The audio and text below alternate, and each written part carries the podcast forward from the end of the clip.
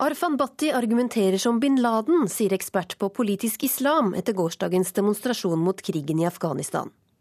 Kravet om å stanse TV-serien Berserk ble avvist. Det er forkastelig å lage underholdning av en tragisk hendelse, mener advokaten til to av de pårørende. Mokkamenn skapte rabalder, men den halvnakne mokkadama på mokkabønneeskene har eksistert i 95 år uten så mye som en protest. Dette er ukeslutt, hvor vi også skal snakke med mannen som medietrente Janne Christiansen denne uka.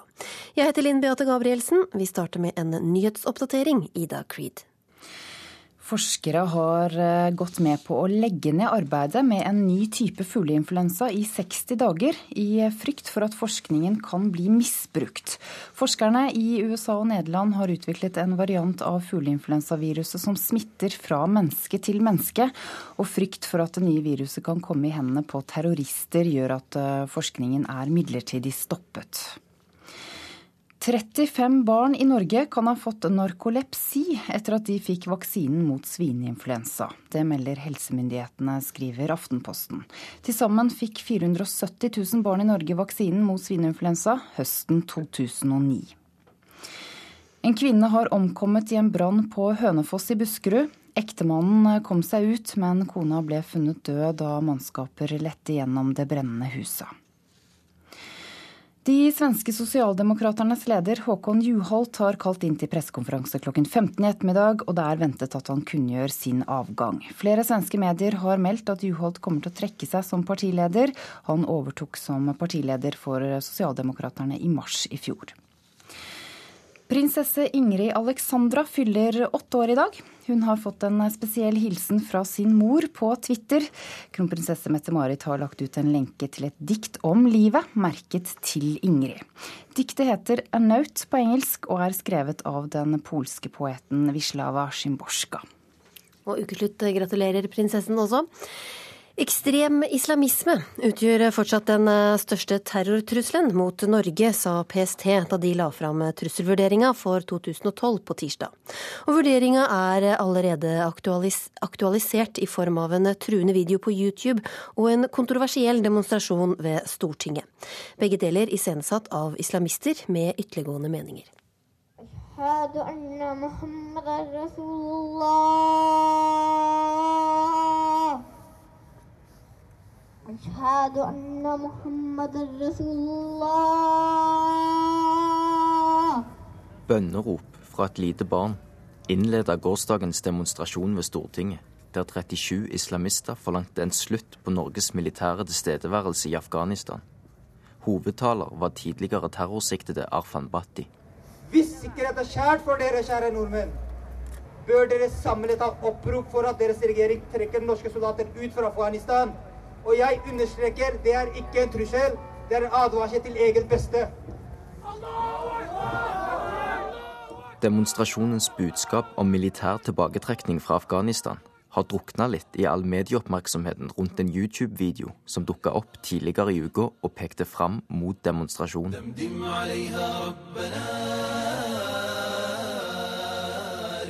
I filmklippet en her hører fra, ble alle muslimer oppfordra til å møte opp på demonstrasjonen. Men i tillegg bes det i videoen til Allah om at Jens Stoltenberg, Jonas Gahr Støre og kronprins Haakon skal ødelegges. Den videoen jeg har ingen eh, Jeg vet ikke hvem det er, hvem som har lagd. Okay. Vi er ikke her for på en video, vi er her fordi barn blir drept i Afghanistan. Demonstrantene ønsket ikke å snakke om YouTube-snutten ved Stortinget i går. Mannen bak videoen er pågrepet og sikta for trusler mot myndighetspersoner, samt oppfordring til terror. PST mener at den siktede har tilknytning til arrangørene av demonstrasjonen, hvem nå enn de er. Er, er noen av dere med som arrangører? Nei, jeg vet ikke hvem som er arrangører. Du vet heller ikke hvem som er arrangør? Eh, dette er mennesker som vil bli hørt, men de ønsker ikke å høre på andre. Enkel eller dobbel klokka? På en kaffebar i Oslo forteller student Bakas Savar hvorfor han har gått ut og kritisert gårsdagens demonstrasjon. Jeg føler det er veldig viktig at eh, muslimer eh, viser avsky mot eh, denne demonstrasjonen. Altså her er det snakk om en veldig liten minoritet blant oss som da har kapret vår religion, vårt rykte og våre religiøse symboler. I forbindelse med demonstrasjonen mot Muhammed-karikaturene i 2010 kom Sarwar i kontakt med islamistene som sto bak gårsdagens demonstrasjon ved Stortinget. Både jeg og veldig mange andre da, som har eh, bestemt oss for å trekke oss veldig unna. Fordi ut ifra det vi har observert ved å være med dem, er at de har en veldig ekstrem tilnærming til veldig mange spørsmål. Har det muslimske miljøet gjort noe for å prøve å moderere disse ekstreme gruppene? Ja, det har de absolutt. Eh, altså, jeg vet personlig at det er eh, veldig mange imamer eh, og også veldig mange andre sentrale personer i en rekke moskeer som da har prøvd å snakke disse menneskene til fornuft. Konsekvensen blir da ofte at de føler bare at de snakker til en vegg. Vet du noe om hvilke ideologiske forbilder de har, og hvor de henter inspirasjonen fra? Dette er mennesker som har et veldig bredt fiendebilde, som inkluderer eh, muslimer, ikke-muslimer og også veldig mange imamer som de er veldig sterkt imot. Meste av inspirasjonen henter de faktisk fra internett, fra såkalte YouTube-imamer eller fra Facebook. Kritikken av demonstrasjonen har ikke gått upåakta hen. Jeg har fått veldig mange negative tilbakemeldinger. Hvor da? For det meste så er dette her på Facebook, men også eh, en del uhyggelige telefonsamtaler. Men eh, igjen så er det ikke det noe jeg frykter. Pga. snøen ble det så kaotisk, så jeg ble forsinka ned. Frykt er heller ikke noe forsker og religionskritiker Lars Gule sliter med i møte med religiøse ekstremister. Vi spoler tilbake til torsdag kveld, dagen før demonstrasjonen. Skal jeg være riktig norsk også? Jeg kommer nå til å skrive en eh, oppfordring til å delta i demonstrasjoner. Legge det ut på et par eh, sånn nettsteder og debattsteder. Gule mobiliserer til motdemonstrasjon. Ikke fordi islamistene vil ha norske styrker ut av Afghanistan, men fordi han er kritisk til det han har sett på nett av demonstrantenes uttrykksform. Det er disse elementene, valget av symboler, valg av musikk osv., eh, sammen med retorikken, altså måten de formulerer seg på, som gir assosiasjoner til det jihadistiske eh, miljøet. Gule føler seg trygg på at demonstrantene tilhører ei marginal gruppe. De sjøl har jo da i sin søknad overfor Stortinget om tillatelse til å demonstrere utenfor Stortinget, eh, antyda at de vil kunne mobilisere mellom 500 og 700 personer. Eh, mitt rådtips er eh, at vi kanskje ser noen titall. Med fasit i hånd kan en slå fast at det møtte opp 37 demonstranter. Ja, okay. Det er ønskelig at du går over dit. Ja, ok. Nå eller til det andre? Ja, okay. Takk skal du ha. Det var langt flere politifolk og journalister til stede enn demonstranter. Og det kunne virke som om det var en viss misnøye med oppmøtet. Vi takker Allah for alle som har kommet her. De som ble hjemme. Alle har sett dere alle. Så inshallah det er det selv om appellene holdt en noe mer moderat tone enn hva som er tilfellet på demonstrasjonens Facebook-side, karakteriserer Gule mange av ytringene som hatefulle. Det betyr ikke at det er forbudt å si dette, men det er også lov, som vi har gjort, å protestere mot den formen deres antikrigsbudskap har fått. Motdemonstrasjonen har Gule mer fint å si om. Det er viktig å huske at en demonstrasjon, eller en motdemonstrasjon av den typen, det er ikke bare en demonstrasjon mot noen andre. Det er også en demonstrasjon for menneskeverd, for menneskerettigheter, for anstendighet. Og demonstrantene svarte ikke på henvendelsene til Ukeslutts reporter Dario Kverme Birhane. Yusuf Gilani, du sitter i bystyret i Drammen for eh, Venstre. Er du overraska over at 37 eh, personer stilte opp på demonstrasjonen? Nei, jeg hadde antatt uh, et sted mellom 15 og 20. Uh, men uh, eh, 37 er jo 37 for mange med de, den slags holdninger i Norge. Ja, Hva har deres holdninger med islam å gjøre, som du ser det? Du, I utgangspunktet så har dette her veldig lite med islam å gjøre. Det som er det interessante, er at de holdningene dem har, og dem gir uttrykk for her i demokratiske Norge, selv i religiøse land som Pakistan og Iran, så er det sjelden å se mennesker med et såpass eh, ja, med bruk av de eh, symboler og retorikken de legger opp til. Så det er overraskende å se at vi, vi har disse enkeltindividene i Norge, men de må ikke bagatelliseres. Disse menneskene må tas på alvor. Ja, hvorfor er det viktig for norske muslimer å ta avstand fra disse demonstrantene? Det viktigste her er nå at uh, disse menneskene har fått lov til å bruke det offentlige rom altfor lenge. Akkurat sånn som høyreekstreme krefter gjorde det på 80- og 90-tallet, når de uh, hadde ytringer mot uh, innvandring. Og da tenkte folk flest at ja, dette her er vel denne gangen, nå gir de seg. Og sånn har norskmuslimer tenkt altfor lenge, mens disse menneskene bare har fått lov til å holde på fritt. Og nå er det en mobilisering blant muslimer generelt, norskmuslimer, som tar avstand fra de holdningene og viser det veldig tydelig. Eh, Brynja Lia, forsker ved Forsvarets eh, forskningsinstitutt.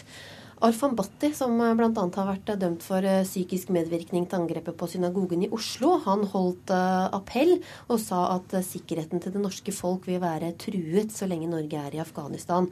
Og han påpekte også at dette er ikke en trussel, men en advarsel. Hvordan tolker du det? Nei, Det er jo litt det samme som uh, Mohidin uh, Mohammed sa for uh, to år siden.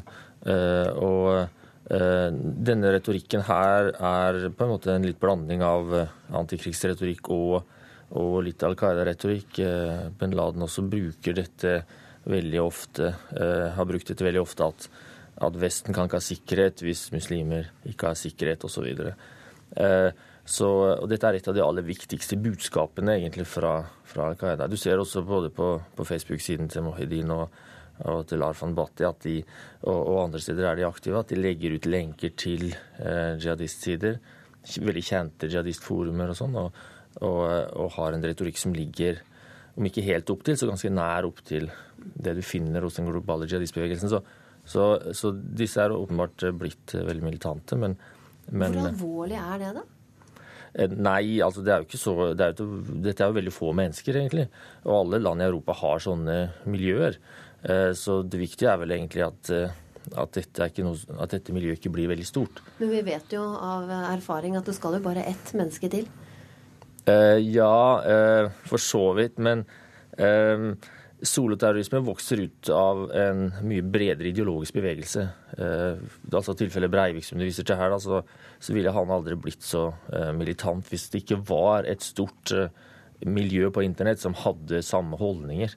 Eh, og, så det, disse ekstremistmiljøene er farlige fordi det er, eh, det større disse miljøene er, eh, dess enklere er det for en terror selv å, å dannes. Da. Men er det bekymringsfullt da, at en person som Batti, som har et uh, kriminelt uh, rulleblad, nå er uh, såpass sentral i denne grupperinga? Skal du etablere deg som en autoritetsperson i disse miljøene, så, så er på en måte erfaring fra disse jihad-landene vesentlig. Og det er også veldig sentralt at du kan islamsk lov, teologi og så godt.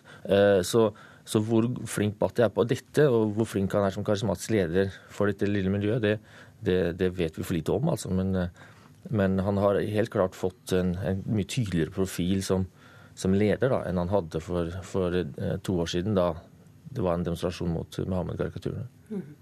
Uh, Gilani, uh, har det muslimske miljøet i Norge gjort nok for å demme opp om denne ekstremismen, syns du? Nei, eh, grunnen til det er at vi har altfor få skolerte, utdanna religiøse ledere i Norge. Eh, vi har altfor mange halvveisstuderte imamer i Norge som leder disse moskeene, som ikke, har, som ikke er trygge nok på religionen, for det første. Og de er i så fall ikke trygge på det norske samfunnet. Derfor er det veldig viktig for norskmuslimer, eh, som er en del av majoritetssamfunnet her i Norge, at de står opp mot ekstreme grupper som ikke respekterer sentrale verdier som menneskeverd og menneskerettigheter. Det er et samfunnsansvar vi alle har, men her føler jeg at norskmuslimene har et større ansvar ved å gå ut og ta avstand. Og det skal jo også finne sted nå den 26.1, fakkeltogdemonstrasjon fra Oslo S til Stortinget, eh, hvor det er eh, ganske stor oppslutning. Hmm. Mannen bak denne videoen som ble knytta til demonstrasjonene, er fengsla. Går, går, islamistene med dette her i Norge nå et steg videre, Lia? jeg er ikke helt sikker på det. Altså, vi har sett Eh, et par eksempler til eh, på eh, videoer som er produsert av, av norske islamister. Bare én med, med, norsk teksting før. Men jeg har også sett for så vidt norskbaserte eller norskspråklige islamister som, som reproduserer og videreformidler jihadistmateriale på internett. Så Så dette er nok en del av et, en prosess der dette miljøet er også aktive når det gjelder jihadistmedia. Altså. Og så aktivismen på internett fra dette miljøet har vel, etter som jeg forstår, vært økende. Gilani, vi, vi, hørte en uh, liten gutt som uh, ba en bønn i, i, denne demonstrasjonen. Hva tenker du om det, at barn uh, også blir en del av det? Det er jo først og fremst veldig trist at du er vitne til å høre små barn utføre bønneutrop i den anledning. Og der faktisk så er det igjen dette med virkemidler disse her bruker. Eh, for to år tilbake, under karikaturdemonstrasjonene, så så vi en helt annen form for demonstrasjon. I dag, i går, eh, så var vi vitne til en demonstrasjon hvor de har klart å øke eh, menneskemassen nå til nærmere 40 personer. Og det er 40 mennesker for mange. Her må vi komme med strengere tiltak som Eh, ikke begrenser ytringsfriheten, men det bør begrense hva er det vi har lov til å si i det åpne rom. Ja, hva slags tiltak vil du ha? Eh, det å oppfordre til eh, vold, det å oppfordre med virkemidler som kan oppfattes som trusler, det, det er, bør ikke aksepteres. Hyggelige advarsler som han Batti kommer med, det bør ikke aksepteres. Her må også myndighetene slå hardt ned. fordi Eh, hvis ikke det blir en reaksjon fra myndighetenes side, så blir det en veldig stor belastning for majoritetssamfunnet i Norge med tanke på de som er norskmuslimer. Mm, og PST trakk jo altså fram ekstrem islamisme som den største trusselen eh, her til lands nå. Hva, hva, kan vi forvente oss av disse framover nå, tror du? Vil det bli mer av det vi har sett? Nei, altså, disse miljøene går ofte i bølgedaler. Hvis de mangler gode lederskikkelser, hvis de mangler gode kampsaker osv., interne splittelser, så, så vokser ikke miljøene. Eh, men har de gode ledere, er det en kampsak som de virkelig kan profitere på, så, så, vokser miljøene. Eh, denne demonstrasjonen her er kanskje viktigere for, eh, for miljøet for, fordi den bidrar til å mobilisere den lille gruppen, knytte bånd på tvers av miljøer, på etiske grenser og språklige barrierer. Så sånn sett så kan en, disse markeringene da, bidra til at miljøet vokser litt. Mm. Men er miljøet nå på en slags eh, topp, eller er dette begynnelsen på noe som Nei, jeg tror ikke dette er et miljø som blir, blir, vil bli veldig stort i Norge uansett, egentlig. Eh, man må på en måte Når det blir så veldig mediefokus også på disse sakene, så er det klart at eh, den vanlige mannen i gata tror plutselig at kan fort lett, lett tro at nå, nå er, holder muslimene på å overta, på en måte. Det er en liksom farlig tankegang. og å tro at 37 mennesker skal på en måte overta landet og innføre sharia, det, det, blir, eh, det blir, en slags eh, forskrudd vrangforestilling som gjør at, at eh, nordmenns holdninger til islam blir, blir feil. Da. Og det igjen kan skape økt vekst omkring militant islam. Da. Så. Tusen takk, Brynja Lia, forsker ved Forsvarets forskningsinstitutt, og Yusuf Gilani, venstrepolitiker i Drammen. Torsdag var det premiere på TV-serien Berserk, etter at eh, lagmannsretten samme dag hadde avvist pårørendes krav om å stoppe serien. Det er snart ett år siden Berserk forsvant i Sørishavet med tre av mannskapet om bord. Det er små marginer som skiller mellom triumf og tragedie når man er på havet og på ekspedisjon. Seilbåten Berserk, som er kjent gjennom flere reality-serier, har sendt ut nødsignal i Vakthavende redningsleder ved Hovedredningssentralen sier til NRK at så lenge de ikke får kontakt med båten, betrakter de den som savnet. To fartøy fra New Zealand er venta å nå fram til området der den norske seilbåten Berserk er i trøbbel. For å hedre Roald Amundsen la Jarle Andøy og hans mannskap ut på en historisk ekspedisjon fra Nordvestpassasjen til Sydpolen. Vi skal mot mål. Har du det som skal til for å komme deg til Sydpolen? Drit i kursen, nå skal du bare følge været. Og Roald Amundsen! Det skulle også vise seg å bli Berserks siste reise. Få med deg premieren av Berserk mot Sydpolen torsdag 2030 på TV Norge. Mette Yvonne Larsen, du er advokat for to av familiene til de savnede. Og Juridisk sett så, så, har ikke dere vunnet fram, men eh, hva er det som er moralsk galt med å sende serien slik dere ser det? Så Det vi mener moralsk galt, er jo for det første at dette er en, først og fremst en underholdningsserie. Eh, og her er det en TV-kanal som velger å gjøre underholdning på en tragisk hendelse. Det er tre personer som er savna. De er antagelig døde. Men deres foreldre går jo fortsatt rundt med en sånn ekstrem uvisshet på hva som skjedde med dem. Men var det ikke nettopp hensikten med turen at det skulle bli en uh, TV-serie? Hensikten med turen var ikke et forlis. Og det ble et forlis. Eh, og da tenker jeg at hensikten med turen opprinnelig kommer helt klart i andre rekke. Eh, I tillegg så syns jeg det er veldig uheldig at TV Norge ser bort fra alle de klanderverdige forholdene rundt denne ekspedisjonen, rundt lederen av ekspedisjonen. Eh, de, de spørsmål vi har stilt om samtykke er i orden osv. Så, videre. så selv om de har fått juridisk sett rett, så er det forskjell på moralsk og juridisk. Og jeg ser jo også anmeldelsene i ettertid at man stiller spørsmål hvor ble det av verdigheten. Mm. Jeg så jo også denne prologen, jeg må si det, og, og det er jo først og fremst ulykka og at noen aldri kom tilbake. Det er det som er fokuset. Mm. Svein Tore Bergestuen, informasjonsdirektør i eh, TV Norge. Hvorfor velger dere å sende denne serien til tross for at flere av de pårørende ikke ønsker det? Vi skjønner at dette er en vanskelig sak, men eh, når Mette Yvonne Larsen taler på vegne av de pårørende, så er det ganske eh, misvisende. Hun taler på vegne av den ene norske moren. Eh, og når hun snakker om hva som er moralsk riktig, så syns jeg vi skal lytte til eh, de fleste av de norske pårørende som mener at denne serien bør sendes. Det skapes et inntrykk av at TV Norge utnytter en eller annen situasjon her, men det er nå altså sånn at av de to norske som omkommer, det er altså en utenlandsk, så vil de fleste at denne serien skal sendes. Og de har da åpenbart en annet moralsk eh, bilde av dette, og en oppfatning, enn det ja, hva, hva, er det? Det er at dette her er en serie som er viktig. Fordi eh, den viser hvordan disse besetningsmedlemmene tenker og handler og oppfører seg i forkant av den tragiske begivenheten. De har blitt gjenstand for massiv kritikk som bajaser og som folk som ikke visste hva de gjorde. Den kritikken har Jarle Andøy forsøkt å svare på, men de to andre, eller de tre andre har ikke eh, hatt muligheten til det fordi de gikk bort. Og Derfor mener bl.a. familien til Robert Skånes at dette her er en serie som er viktig. Det var meningen hele tiden, og den skaper et etterlatt inntrykk av at det var ikke så enkelt som folk har forsøkt å framstille seg. Men serien gir jo, så vidt jeg har forstått, ingen svar på hva som faktisk skjedde. Vi kommer jo ikke noe nærmere det. Og hva er det da som er viktig å dokumentere? Jo, det er ikke riktig. fordi selvfølgelig vet vi ikke hva som skjedde med forliset. Men det er heller ikke vist ennå, før vi viser dette her i niende episode, som er en annen type episode enn de, de første. Så viser det for første gang hva slags eh, arbeid som ble gjort i forkant. Hvilken sikkerhetsvurdering som ble gjort, hva de tenkte om turen. Alt dette her er ny informasjon, og som er stemmen til de som er etterlatt. Så har vi respekt for eh, at noen syns at dette er ubehagelig.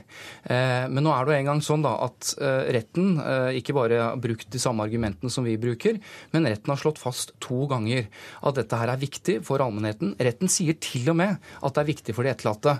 Eh, og det er flere av de pårørende enig i, men den ene norske moren som Mette Yvonne Larsen representerer, syns ikke det. Og den og den utenlandske. Når jeg skiller mellom det, så er det fordi rent presseetisk så er det en større belastning å være mor i Norge og se dette på norsk TV enn å sitte på Malta eller være i Sør-Afrika, eh, hvor denne serien ikke går. Og det, det gjøres det selvfølgelig forskjellige vurderinger av. Eh, ja, altså, det er faktisk sånn at utenlandske foreldre har det samme rettskrav eh, som norske, og det er like belastende for dem å vite at deres sønn vises på TV. Nei, det er ikke, ikke det. De altså... og ser det. Altså, det. Jeg kjenner jo disse, så, og det gjør jo ikke du. Eh, og det som er tingen, er jo at den ene norske moren, altså hans far, eh, Tom Gisles far, har sagt at han er verken for eller mot, har han sagt, eh, i en e-post til direktøren av Vidar Strømme. Nei, men Nei. vi har hørt hva Strømme sa i retten. Ja, ja, men, men, har, men, men Dette må jeg nesten kommentere. fordi Nå, nå, nå later uh, Mette Yvonne Larsen som om hun kjenner alle de pårørende.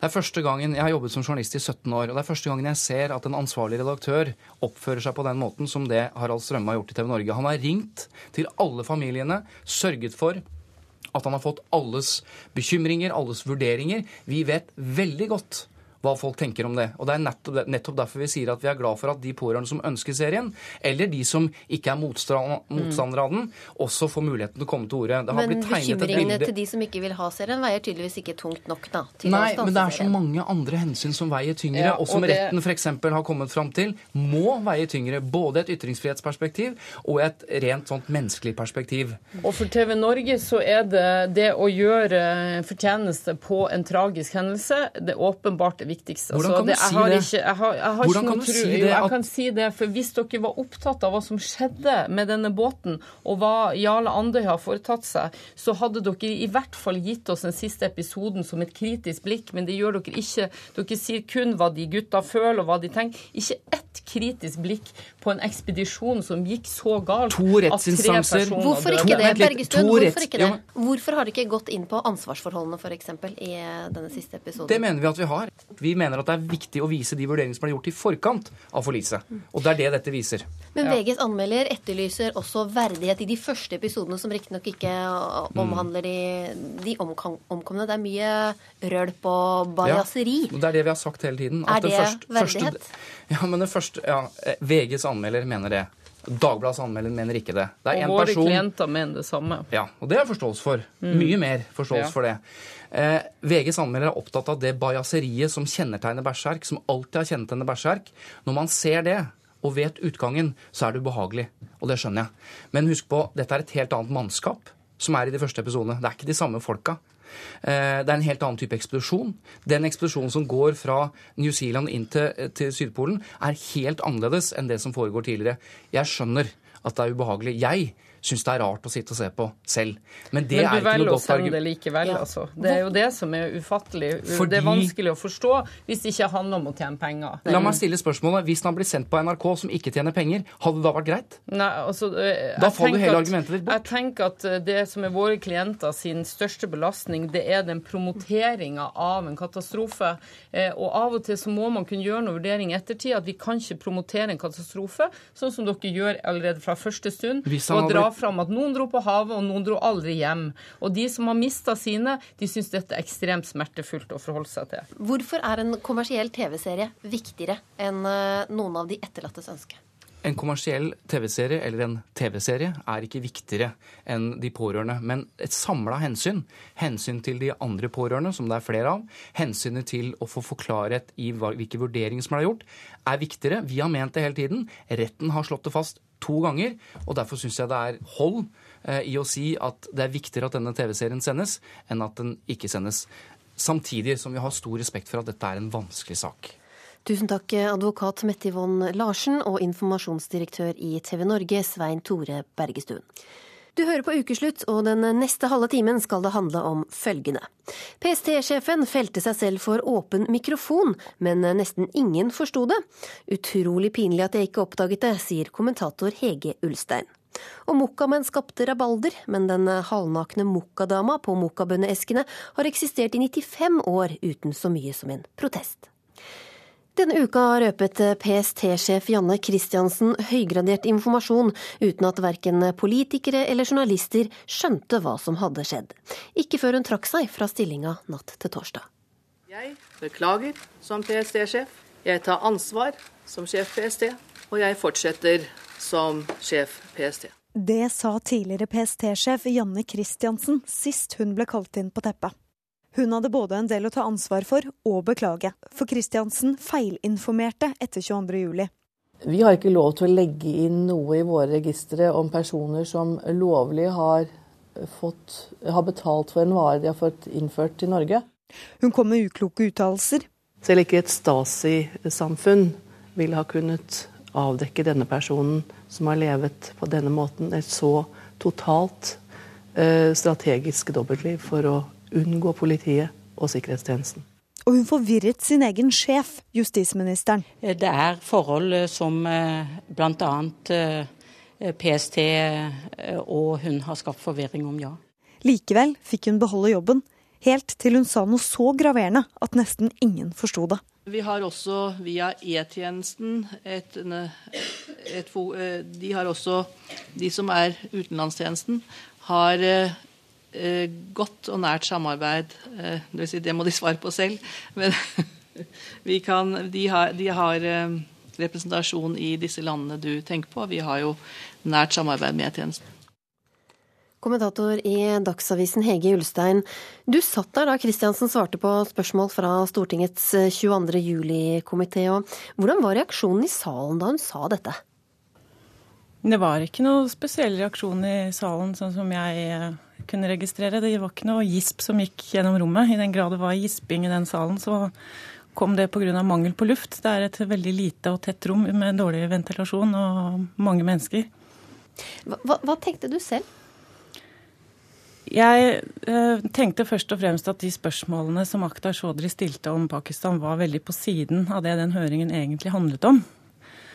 Og så virket det som om hun ble litt nervøs for at hun kanskje hadde holdt tilbake informasjon eller sagt for lite eller eh, ja, eh, desinformert litt. Og så prøvde hun å hente seg inn igjen og, og, fortelle at eh, jo da, det kunne nok hende at vi hadde hadde noen relasjoner til Pakistan likevel.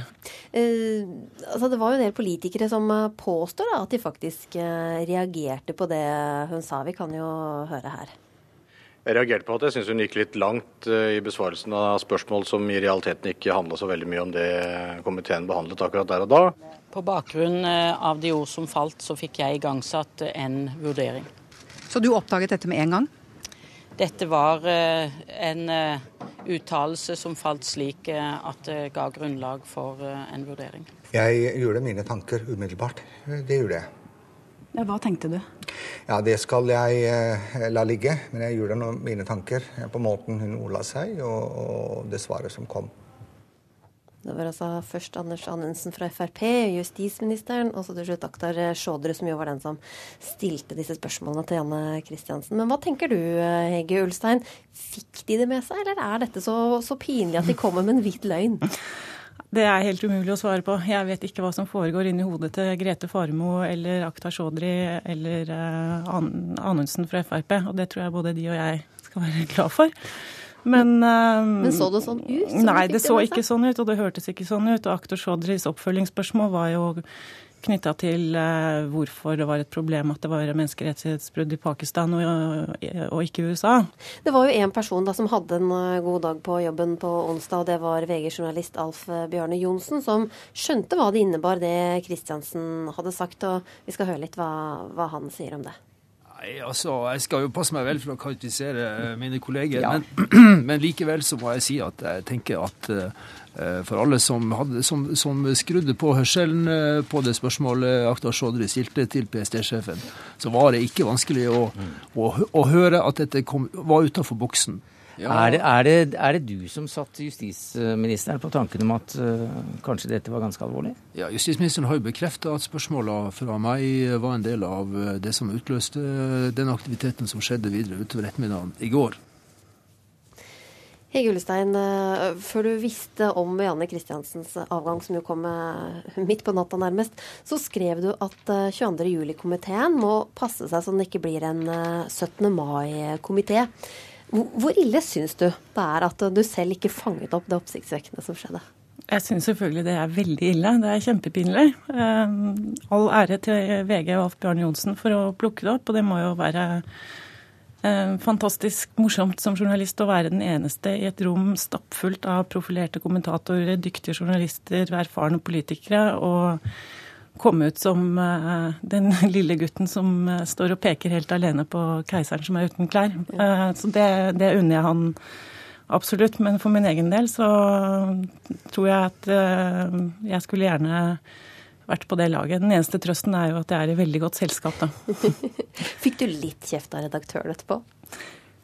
Nei, jeg vil, ikke, jeg vil ikke, si det. Men uh, jeg, jeg, har en ganske velutvikla evne til selvkritikk, så jeg tror jeg har fått vel så mye kjeft av meg selv som fra andre i denne sammenhengen her. Ola Rones, du er jo strategirådgiver for eh, politikere og, og ledere. Hvilke råd ville du gitt Kristiansen i forkant av disse høringene? Å ikke si noe hun ikke har eh, tenkt å si. Hun har Hun har vel virka litt eh, skal vi si, pressa i, eh, i det som Hege Ulstein påpeker om en sånn skal vi si, en balanse mellom det å være åpen og, og sånn sett kommunisere eh, og by på seg sjøl i forhold til omverdenen. Og på den annen side det som da er helt avgjørende i stillingen hennes for å få tillit, og det å vite hva å si når å si det, og sånn sett beherske konfidensialitet. Og akkurat den balansen der virker det jo som at Janne Kristiansen har, har slitt med å, å, finne ut av, egentlig. Men kan vi se på henne? At hun skjønner at hun begår en, en, en feil her, når vi ser disse TV-bildene? Ja, jeg tenker altså, Sånn som jeg så situasjonen eh, i ettertid, når du, når du ser TV-bildene, så, så virker det jo som at hun skjønner i det hun begir seg ut på uh, den fortellinga hun gir, at hun, hun, skjønner at det her ikke er riktig. Men så velger hun å, å, fullføre det, og, og, kanskje drar det enda lenger enn det hun hadde i hvert fall trengt å gjort for å forklare sitt poeng. Um, og, og, det forteller meg at hun var um, ikke helt gjennomtenkt faktisk i forhold til hva hun, hun, hun ville si. Mm. Du ble litt tatt på, på senga. Det virka sånn. Mm. Eh, hvorfor er det så vanskelig det å være PST-sjef, tror du? Det er vanskelig å være leder i det hele tatt på mange måter. fordi at en eh, leder i dag skal på en måte være et supermenneske. Eh, man skal være både si, ha empati, dvs. Si å forstå andre. Man skal være strategisk klar. Man skal være trygg, samtidig som man skal være tøff og menneskelig. og Det, det, det, det er mange krav til å være en, en god leder. Og, og, Hva mangler Janne Kristiansen av det her, da? Det vet ikke jeg helt, altså, for jeg, jeg, jeg kjenner ikke Janne Kristiansen som sådan. Men ut ifra det jeg kan se, så, så syns jeg liksom hun kanskje famla litt etter sin stil, og, og, det å finne sin måte å lede PST på. Nå fikk hun jo kanskje ikke så veldig mye ro til å, å gjøre det, men akkurat den balansen mellom åpenhet og, og skal vi si, konfidensialitet er jo helt avgjørende for at man skal, si, skal få tillit. Hvis vi skal tenke fremover, da, så Stillingen som PST-sjef har jo vist seg å være vanskelig å fylle, og det har vært få kvalifiserte søkere tidligere. Eh, hva måtte ha vært eh, utfordringen? For å finne PST-sjefer, tenker du på? Mm -hmm. ja, altså det, det, vet jeg ikke helt. Altså jeg sitter jo ikke i Justisdepartementet og ansetter disse folka. Men, men vi, vi, husker tilbake da Jørn Holme var statssekretær i Justisdepartementet og lette og lette og lette. Og holdt på lenge for å finne, finne, en ny sjef. Og han fant ikke noen inntil han en dag sto foran speilet og fant ut at han kunne jo være det selv. Og ble det. Ehm, når det gjelder Janne Kristiansen, så tror jeg kanskje hennes største problem har vært en, en trygghet, og ehm, særlig på kunnskap om sikkerhetspolitikk. Hun, kom, hun har en bakgrunn som forsvarsadvokat, leder av Gjenopptakelseskommisjonen, og mangler, uh, mangler erfaring med, med, hemmelige tjenester uh, helt, og også med politikk. Uh, og det tror jeg har gjort henne usikker. Og i tillegg så har hun hatt en litt sånn til dels flåsete stil. altså disse uttalelsene om Breiviks ariske utseende, at ikke engang Stasi i Tyskland hadde klart å finne han, sånne ting. Det, det er for så vidt artige spissformuleringer på en eller annen måte, men du forventer at en PST-sjef formulerer seg på en litt tørrere måte enn det. Ansatte i PST gråt, ble det fortalt på allmøtet torsdag da hun eh, tok eh, farvel. Er ikke PST som så harde og tøffe som vi liker å tro at eh, de er? Nei, det, Mye kan jo tyde på det. De, det sies jo at de gråt også før jul da de fikk vite at hun ble sittende. Så det kan tyde på at de har lett for å ta til tårene. Og i min verden så rimer ikke det helt med den klisjeen eh, om den hardbarka, tøffe spionen som eh, legger følelsene til side når han går på jobb. Eh, men på den annen side så syns jeg det er ganske søtt òg. Hun fikk jo medietrening før høringene denne uka. Kunne vi kunne vi merke noe til det, Rones? Um, ikke i den situasjonen der, tror jeg. Um, når du kommer i Hun er jo allerede i en pressa situasjon. Og da er det på en måte refleksene som trer inn, uansett hvor mye du har trent. Eh, så, så jeg tror ikke at medietrening i en sånn situasjon vil være eh, veldig avgjørende. Det, det, det kommer frem eh, uansett liksom hva, du, hva, du, tenker. Og, og, og når hun var pressa, så, så, så lot jeg seg liksom dra litt med. Tusen takk, Hege Ulstein og Ola Rones.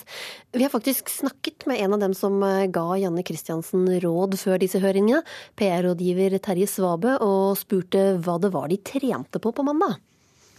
Ja, jeg kan selvfølgelig bekrefte at vi var eh, i, hos PST mandag, men jeg går ikke inn og sier hva vi trente på. Men, men, hva er viktig å trene på da, for en person som uh, skal bli grilla, sånn som Janne Kristiansen måtte? Det, det, som er viktig, det er at vi le, lever i en medieverden som blir stadig eh, mer krevende. Det er stadig flere plattformer som ønsker svar her og nå. Og en leder, uansett om det er i PST, eller om det er i næringslivet, eller i organisasjonslivet, eller i politikk, må takle dette presset mye, mye sterkere enn bare for noen år siden. Så for meg som rådgiver så blir det viktig å forsøke å forklare hva dette eh, presset går ut på, og at det i den sammenhengen da er viktig å ha budskap klart og kunne uh, forklare budskapet relativt kortfattet, fordi at verken etemedier eller nett eller aviser har tid til så lange resonnementer lenger. Dessverre. Hva hvis du gjør noe feil? Trener man på hvordan man kan eh, rette det inn igjen? Det som er poenget med å være da etter min mening en god, god rådgiver, er å forsøke å forklare og jobbe med hvordan man skal få budskap fram på en presis og konsis måte. Men Har du fått noe ut av dette, da? Er det noen eh, lærepenger ja, for dere i dette? Ja, nei, ja. Altså jeg, jeg, lærer hver dag. Og det syns jeg er, er, veldig morsomt. Og, så jeg, jeg tar dette med meg videre. Absolutt. Spellemannprisutdelinga gikk på skinner lørdag kveld, helt til Møkkamenn ble til Mokkamann, og på under et halvt minutt var debatten om rasisme i gang. Men eh, hvorfor er det ingen som reagerer på Nidars Mokkakvinne? Hun har eh, eksistert i 95 år uten en negativ kommentar. Ukeslutts reporter Sara Victoria Rygg dro på sjokoladebesøk. Jeg er litt usikker på hva jeg skal kalle den figuren der, men det er eh, en figur som i hvert fall er en, antageligvis en dame eh, i rødt skjørt og rød topp, eh, som kneler ned mot noe, et kaffekopp. Men, Du sa rødt skjørt og rød, rød, topp, men du glemte å si at hun er farga? Ja, hun er, hun er mørk. Eh, jeg ser, jeg, det, det, er det, og det, det har du rett i. Eh, Kommunikasjonsdirektør Robert Rønning ved sjokoladefabrikken Nidar stusser litt når jeg nevner hudfarger til kvinner på mokkabønnepakninga, altså mokkadama. Jeg, aldri, altså jeg har aldri registrert at det har vært noe tema i det hele tatt, for dette er på en måte noe som har, har bare alltid vært der. Den litt småfrekke mokkadama på den knallgule sjokoladebønneeska har eksistert i 95 år. Så langt har ingen klager på henne. Klager ble derimot ikke få av da bandet Plumbo plumpa ut med ordet 'mokkamann' på Spellemannprisen før helg. Vet du hva? Når jeg ser på dere to, så, så får låta plutselig et nytt navn. Uh, Mokamann. Nei da. Men uh, vi, vi Nei da, bare kødda. Bare kødda. Huff da. Jeg tenkte på, på, vårt produkt, selvsagt, men eh, jeg hadde lav puls. Fordi at eh, vi som en mer kjent merkevareleverandør må tåle at eh, våre produkter eh, trekkes inn i, i debatter og den, eh, debatter og liksom den offentlige søkelyset. Så jeg hadde lav puls. Så ikke krisemøte på informasjonskontoret til Nive? Ikke noe krisemøte søndag morgen i det hele tatt. Vi tok dette med veldig stor ro. Nærmer vi oss uh... Mokkabønnavdelinga. Mokkabønnavdelinga, ja. En vaskeekte mokkamann viser meg rundt på sjokoladefabrikken. Slapp av, ingen grunn til buing. Det er helt greit å kalle Anders Greif for en mokkamann. Han er nemlig produksjonssjef på Nidar, og en av de som lager mokkabønnene. Det er jo en uh, mørk sjokolade med ekte kaffe i. Og det Så jeg tror egentlig den kombinasjonen av eh, god mørk sjokolade og kaffe, den står seg. Så den er det er ikke noe trend. Mormor hun elsket mokkabønner, og så blandet hun det med mandler og rosiner. Og satt frem sånne skåler til meg og min bror og min søster da vi var liten. Rektor ved Handelshøgskolen BI og reklameforsker Trond Blindheim tar seg gjerne ei mørk mokkabønne i ny og ne, og han tykker mokkadama er fin å se på. Hun er toppløs ja. Eh, vi kan se puppene hennes der, ja. Hvorfor, hvorfor tror du Mokkadamen ikke har skapt reaksjoner, men Mokkamann skaper store reaksjoner? Det går jo an på altså de assosiasjonene vi får når vi ser det. at uh, Vi vet at uh, sjokolade fra Nidar det er ikke et norsk produkt. Ikke, altså selv om det er liksom fabrikkert på Nidarbergene, så er det slik at råvarene kommer fra et land hvor folk har mørkere hudfarger og mørkere øyne enn det vi har. Og Da har de da laget en logo på dette, som er da en, en kvinne. da, Kanskje det er en av de som plukker disse bønene som, disse, ja, som blir til, til deilig mørk sjokolade. da. Og, og, så den er jo helt relevant, og den er adekvat og den er riktig i forhold til varemerket. Vil du ha en til, så det bare å? Ja. Kjempelig. Ok, så blir det altså ingen nasjonal mokkabønnekrise. Tilbake til sjokoladefabrikken.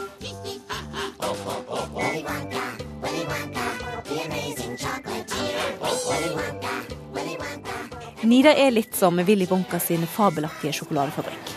I store stålkasseroller putrer varm sjokolade. Overalt lokker fargerikt godtepapir. Og lukta, lukta er himmelsk. Det, det tror alle sammen som kommer på omvisninga. De sier åh, blir du lei av lukta av, eh, av sjokoladen? Men med hånda på hjertet, nei, aldri. Jeg er aldri lei av, eh, av sjokoladen. Plumbo skapte dårlig stemning med sin mokkamann-kommentar. Men den 95 år gamle mokkadama på den gule sjokoladeboksen lever i beste velgående helt uten å lage bråk. Og skal vi tro Nide, gir hun til og med folk god helse. Kakao jo, har jo mange helsebringende effekter.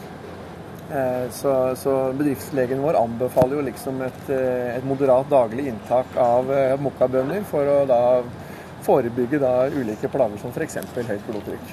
Men han er jo sjokoladelegen? Ja, han er sjokoladelegen, men han, han, har et faglig grunnlag for å hevde det han sier. For det er en kjensgjerning at eh, kakao har helsebringende egenskaper. Nå skal vi ha et uh, nyhetssammendrag ved Ida Creed.